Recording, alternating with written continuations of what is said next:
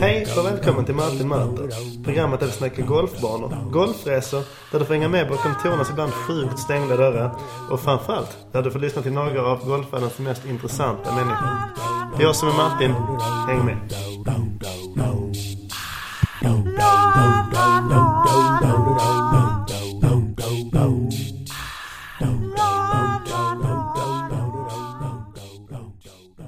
Name, David Fleming, age, 42.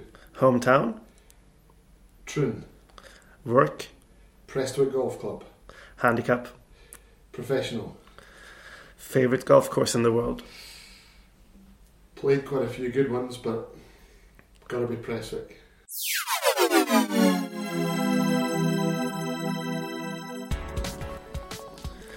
Okay, so we're sitting here in the card room at Prestwick Golf Club. There's a lot of memorabilia around us. Could you tell us a bit about where we are right now and the history behind this wonderful place? Yeah, so we're in the clubhouse at Prestwick a Golf Club, um, uh, birthplace of the Open Championship. This is where the Open Championship, the first ever professional event, um, was started uh, in golf. Um, if you think of all the tournaments that are played around the world now, this is the very place that it all began in 1860. Um, And the idea started in a in a bar, correct? It did. Um, so uh, the best, the players in those days would have played exhibition games and very much money matches, either individually or in pairs. Um, the best player in the world at that time was a chap from St Andrews called Alan Robertson. Old Tom Morris had actually done his training with him uh, on ball making and club making. Um, and Alan Robertson was the, the, the first person to break 80 on the old course uh, undisputed the best player in the world at that point, or the best player in the British Isles, which effectively was where all golf began. Um, so he died quite unexpectedly in 1859. This course had started in 1851. Old Tom Morris had left St Andrews. He'd come through to Prestwick. He'd laid out the links, um, 12 holes. Um, and after Robertson's death, the captain and the members decided to ask the question well, now that Robertson's gone, we really need to have a tournament. We need to invite all the best players to Prestwick and um, we'll have a tournament. So that's what they did. And how many players came? So there was really only seven or eight clubs that they wrote to um, in Scotland, the prominent clubs. Um, the three most prominent being Prestwick Golf Club, the R&A, and the Honourable Company of Edinburgh Golfers. And they actually played their golf at Musselburgh in those days before Muirfield was designed. And they also wrote, wrote to Royal Blackheath, um, and they sent their best players. I think it was seven or eight um, to come along. Now those players were actually caddies. They were, you know, ball makers, and, and they did all sorts of stuff. They did lessons, but really, um, they were they're effectively caddies. So Yeah. they came along for the first tournament. Yeah. So they were more uh, working class, whereas the members here They were were. uh, richer guys were. from. So they were landowners and gentlemen that you know maybe got paid rents from uh, you know from leasing land. So they were the gentlemen, and uh, so amazingly, the the professionals uh, who played in the first Open in the first year, they were not allowed to mark their own scorecards. So in this card room that we're in right now, we've got some great memorabilia on the wall. And you can see some original scorecards, um, you know, on the top corner over here and it was actually a gentleman golfer that would have to walk round and take the score. The professionals could not be trusted to take their own score, Yeah. which is ridiculous. But um, that's the way it was.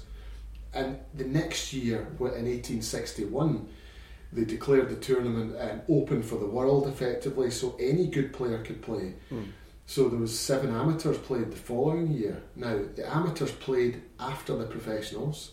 The amateurs were allowed to mark their own scorecard without a gentleman golfer marking their That's card. fantastic. The professionals had to have a gentleman from the club scoring for them. Why was that? Do you know? I mean, why was it also looked down upon to be a professional at that time? It was working class. I mean, very much. And the amateurs to have got good, um, they they were doing it as a, as a as a bit of fun. They weren't you know doing it to make money. Whereas the the professionals were caddying and, and teaching and doing all sorts just to make a living. Yeah. So they were the working class. That's fantastic. And then they played four rounds here at Prestwick in one day, right? Uh, yes, it was it was twelve hole course on on the um, and and some of the greens, there's five or six greens that are still current, one one hole unchanged, but they played three loops of twelve in the middle um, of October. Seventeenth of October was the first tournament. Okay. So when the grass had a chance to die down, the, you know the cutting machinery wasn't very good in those days. Um, so they had to wait till later in the season, and they played three loops of twelve in the one day. Um, so an hour and a half for each loop, and then they would go up to the Red Lion pub and they'd have lunch, and then they'd come back down for the, the third round and the final round, and that was it. Open Championship finished in one day. That's pretty crazy. Um, so I I mean, comparing that to what we have today, when there's hundreds of thousands of spectators, yeah, uh, and then they played in one day at that time. I know. Um, and even there was no prize money in the first year, but the gentlemen golfers, or the, the gentlemen members, would have had heavy wagers on who was going to actually win. Um, so the members at Prestwick would have lots of money on Old Tom Morris, and members would come over from the Honourable, the Honourable Company of Edinburgh Golfers, and they would have money on Willie Park. Mm. So the professionals, the competitors, would actually get a share of of the of the the prize uh, of, of the, the wagers that were bet. Yeah. Um, And then they played here for how many years? So we had the first 12 opens, um, and the prize in those days was the red Morocco leather belt, which um, you will have seen. Uh, beautiful big silver clasp on the front, um, bright red, uh, and it, it was £25 was the cost to get that made. So that was a prize for the Open champion. It was like the, you know the boxing champion or the golf champion. You got a belt. Um, so if you won the Open Championship, you got to keep that for a year, but your backer, who was probably a gentleman golfer, would have to leave a twenty-five pound deposit to Hmm. make sure that you brought that belt back the next year. so it was your right; you could wear that during the year. Um, so written in the rules was any player who won the Open Championship for three years in a row got to keep the belt. Um, because they didn't think it would happen. But young Tom Morris won it for the third year in 1870. So he got to keep the belt. It was retired. It belonged to him. He was the, the champion golfer. And amazingly, the following year, 1871, there was nothing to play for. So there was no tournament. and that was it. And, and now, well, since then they've been playing for the Claret Jug. But how, how did that come up? I mean, why did they play for a, a silver can? So the Claret Jug was um, the three most prominent clubs was you know the, the Honourable Company of Edinburgh Golfers, the R&A at St Andrews and Prestwick. So after that first year of 1871 of no tournament, the three courses got together and said, look, we need to have, do something. So they agreed on a rotation and they agreed on that each club would put ten pounds in each, and it cost thirty pounds to build the, the silver uh, claret jug that they play for today, and they started the rotation. And if the course, if the Open was played at your course, you were in charge of running the Open, Okay. and it would just swap round until more clubs were involved in the late 1800s. Mm. When was the last year uh, the the Open Championship was held here at Prestwick? So our 24th Open Championship was played at Prestwick in 1925. Mm. Um, so a long time ago, but if you think those first, you know, 70 or 68 tournaments, uh, you know, 24 of them were here. So, um, and in fact, even to this day, it's only St Andrews that have had more tournaments, Open Championships than Prestwick. I think um, Muirfield are on 16 now, so it's going to take them about another 100 years to, to catch up. But we don't have the infrastructure. Um, you know, there was reported about 15,000 spectators would come along and watch uh, the Open Championship, and, and we just didn't have the space to get them on the course and, and to enjoy it. Um, plus, the nature of some of our classic holes, um, like the Alps hole number 17, which is a, a blind second shot. Mm. The Himalayas, our fifth hole, where you play over the, the hill, over the dune, and it's a par three, you can't see the green. And the modern players, really, as time moved on, they, they didn't really appreciate that. Yeah. Do you think it would be possible to to get it back one day just for memory's sake? Well, I don't know. I definitely I don't think so. I mean, it was reported that they were in, in talks with the R&A to hold the Centenary Open in 1960 Mm. to mark the 100, anniversary, but um, they'd had a, a, a tournament, a professional tournament here, I think, in the mid um, 1950s or 56, and it, it was just it was just too busy, um, and I think it was decided at that point it just wasn't going to work um, going forward. Do you ever have uh, tour players coming here to kind of get a historic Yeah. lesson for you? We do. Um, so the modern players will generally all come and see it and, and appreciate it. And plus, you get the, the the classic golf course architects as well, who tend to be great players as well. And maybe retired players, they will come and, and see it. Um, you know, Tom Doak has spent so long out there and talks so highly of Prestwick, um, and, and many of them do because they know that it's quite a unique piece of property that um, won't change. But in its current format, it's 7,000 yards, par 71.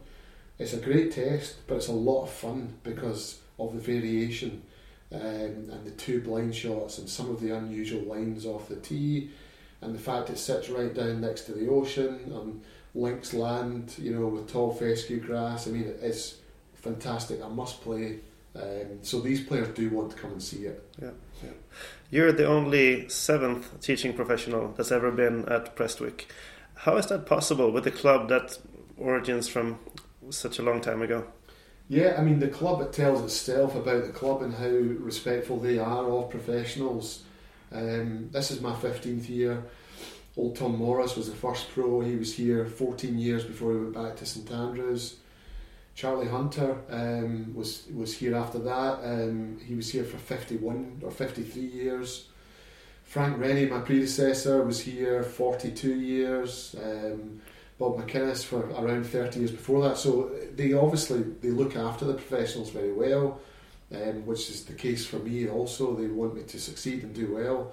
Um, and I was quite young when I was appointed, but um, it, it's a fantastic place to work and, and uh, thoroughly enjoy it. It's really good. Yeah, it's so special when you come here. I played here two years ago for the first time, and I was the only person on the golf course. How is that even possible uh, at a historic place like this? I mean, I, I played here. The the train came. I was watching all the plaques saying Tom Morris is telling you to do this and that, and then I came out here and.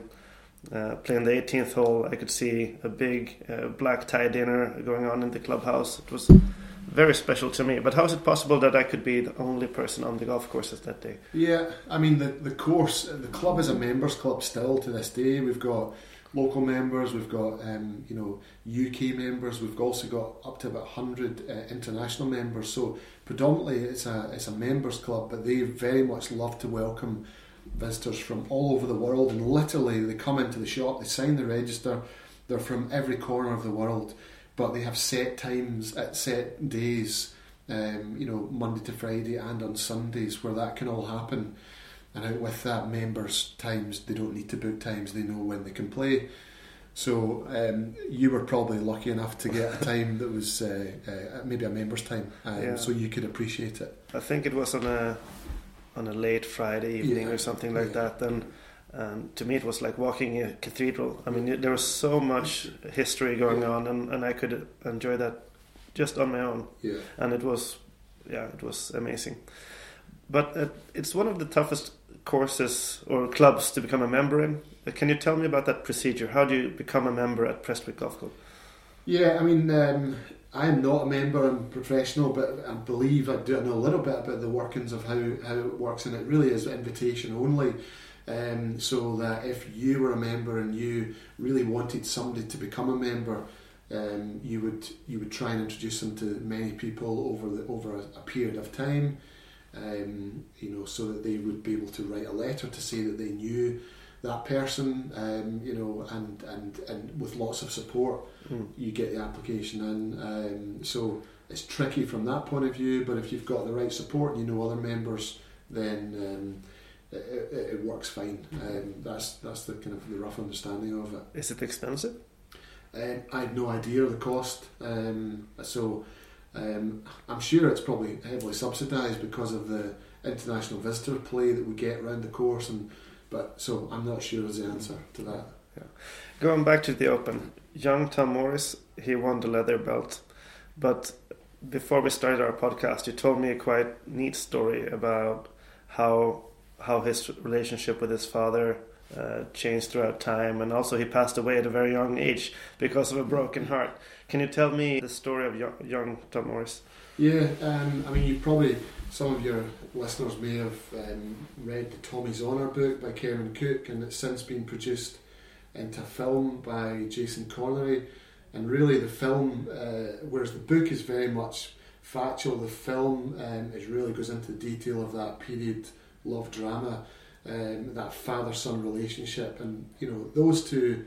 Old Tom was very much the worker and the the ser- you know the, the servant to many golf or to, to Prestwick and the R&A. Mm. Uh, he would give lessons and he would design golf courses. He'd make clubs and he would make balls, etc. Whereas young Tom was effectively the first touring professional who just played predominantly professionally, and the prize money he earned through playing was how he made his living. Mm.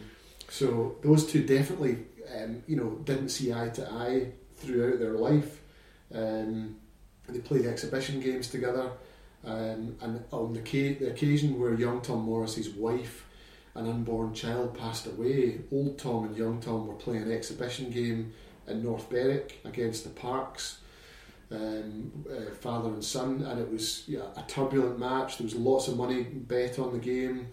A telegram came in at lunchtime to, an old Tom opened it and it said, Young Tom has to get back to St Andrews. His wife is really struggling during childbirth.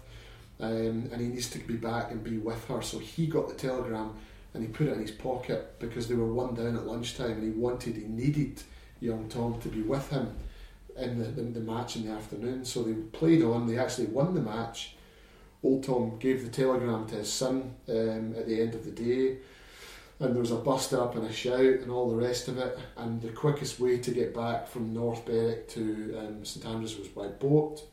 So they made it back by boat just in time for his wife and child both dying. Um, so young Tom was he'd won four Open Championships at that point. His his career was flying through the roof, um, and really he spiraled into uh, depression and alcoholism, and and he died about you know within a year after that. Didn't play really. So mm. those two um, had a very turbulent relationship. I don't know how it ended, but can you imagine nowadays if Justin Thomas or Rory McIlroy were to win four Opens in a row and then die within a year after that. Yeah. Uh, it just you could not compare what happened then to now. Um, In your point of view, though, would young Tom Morris be maybe the most dominant player that's ever played the game? I think you could only say that based on how he started the game. Um, if he was spared and had lived for another 25 or 30 years, I mean, the guy could have won 10 Opens, mm. you know, so it's hard to tell. Um, but yeah, very tragic um, story. Um, and old Tom, after he left Prestwick, I mean, he laid out so many great courses, you know, fantastic golf courses all over, but went back to St Andrews to, to work. And when he passed away, he'd outlived his entire family. So it was quite tragic in a way that he had created all this amazing uh, golf courses and laid down the path. he was a pioneer to you know to what we do as a you know in modern day. Um, he'd outlived his entire family, um, so it was a kind of sad life as well. Mm. It's quite interesting. The two maybe most important people uh, in golf history, both sad lives. Yeah, yeah. Oldest winner still of the Open, and youngest winner still of the Open. Seventeen years old for young Tom. 46, I think, was for old Tom. So who knows who might win the Open this year. Yeah. How much has stayed the same since then here at Prestwick? Uh, course was extended, so after the first 12 Opens, um, they played those over 12 holes. Uh, in 1882 or 1883, they extended the course to 18 holes. So the course um, is quite similar now. Uh, it's not really changed much, even going back to the 50s or 60s. It's been lengthened to the absolute max, mm. just under 7,000 yards. Uh, and the main part of the clubhouse, you can see the original parts that were created when you approach the building, and then it was added on quite a big extension in 2000 mm. um, to incorporate a casual dining area upstairs. So guests that come to Prestwick um, and want to experience the the members' way, they can bring jacket and tie. They can go into the members' smoke room. They can go into the members' dining room.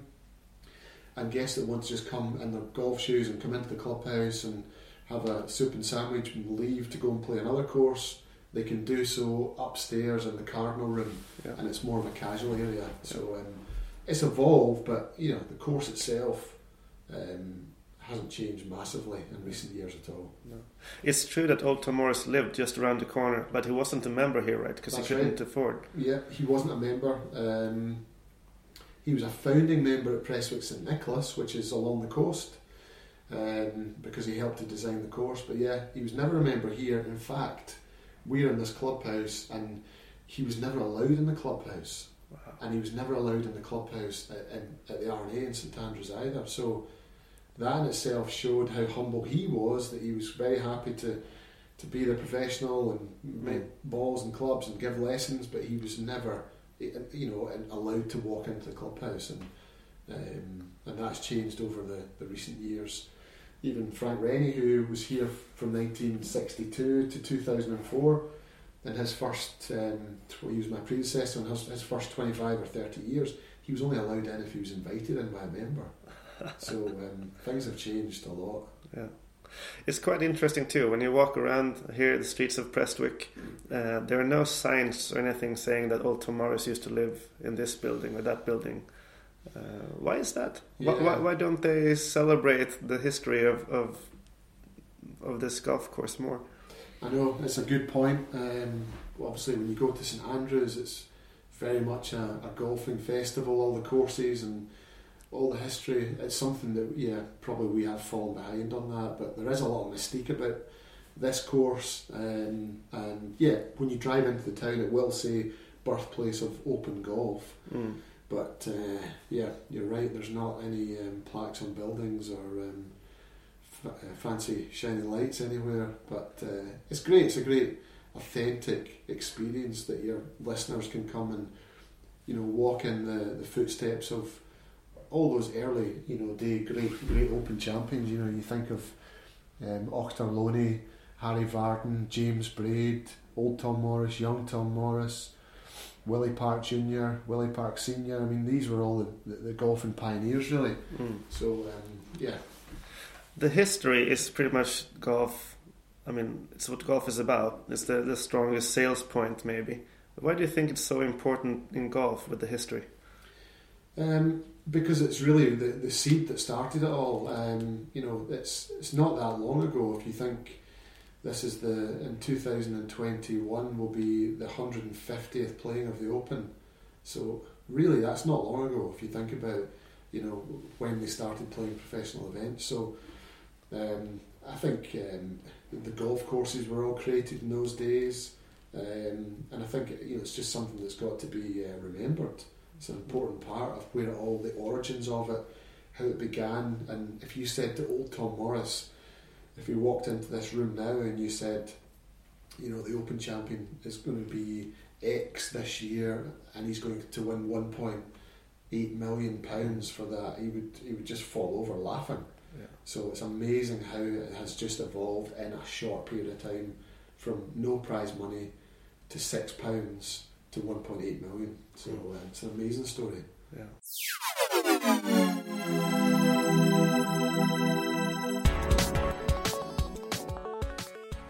This is more or less a golf mecca here along this coastline. Have you played all the courses, and, and how how many courses can you play without having to drive if you just go north Yeah, from here? It's just about possible um, to start off at Prestwick St Nicholas, which is about a mile south of us, and really the, a lot of the courses do join into each other. Then it comes becomes Prestwick Golf Club. We back on to Royal Troon, and then you've got three municipal courses in Troon, and then you go round to Barassie, and then you go round to Western Gailes, and then you go round to Dundonald, Glasgow Gailes, um, and then just a little bit further up, I think you're going there today, West Kilbride Golf Mhm. Club. So, and then south of Prestwick is Turnberry, um, which again has four opens and it's you know fantastic. So, yeah, this area of Ayrshire has got amazing depth. Pound for pound, I don't think any area can beat it on Open Championship venues, um, Open Final qualifying venues, and Championship courses, all in a concentration. Um, East Lothian's got a bit of it. St Andrews have got a little bit of it. The northwest of England have got a bit, but I think they're all much closer together here. Um, between our 24 opens, the four at Turnberry, I think there's nine now at Troon. So uh, a lot of Open Championships have started, have been played in this area. Mm. And Prestwick is your favourite. You have to tell me why before we finish off.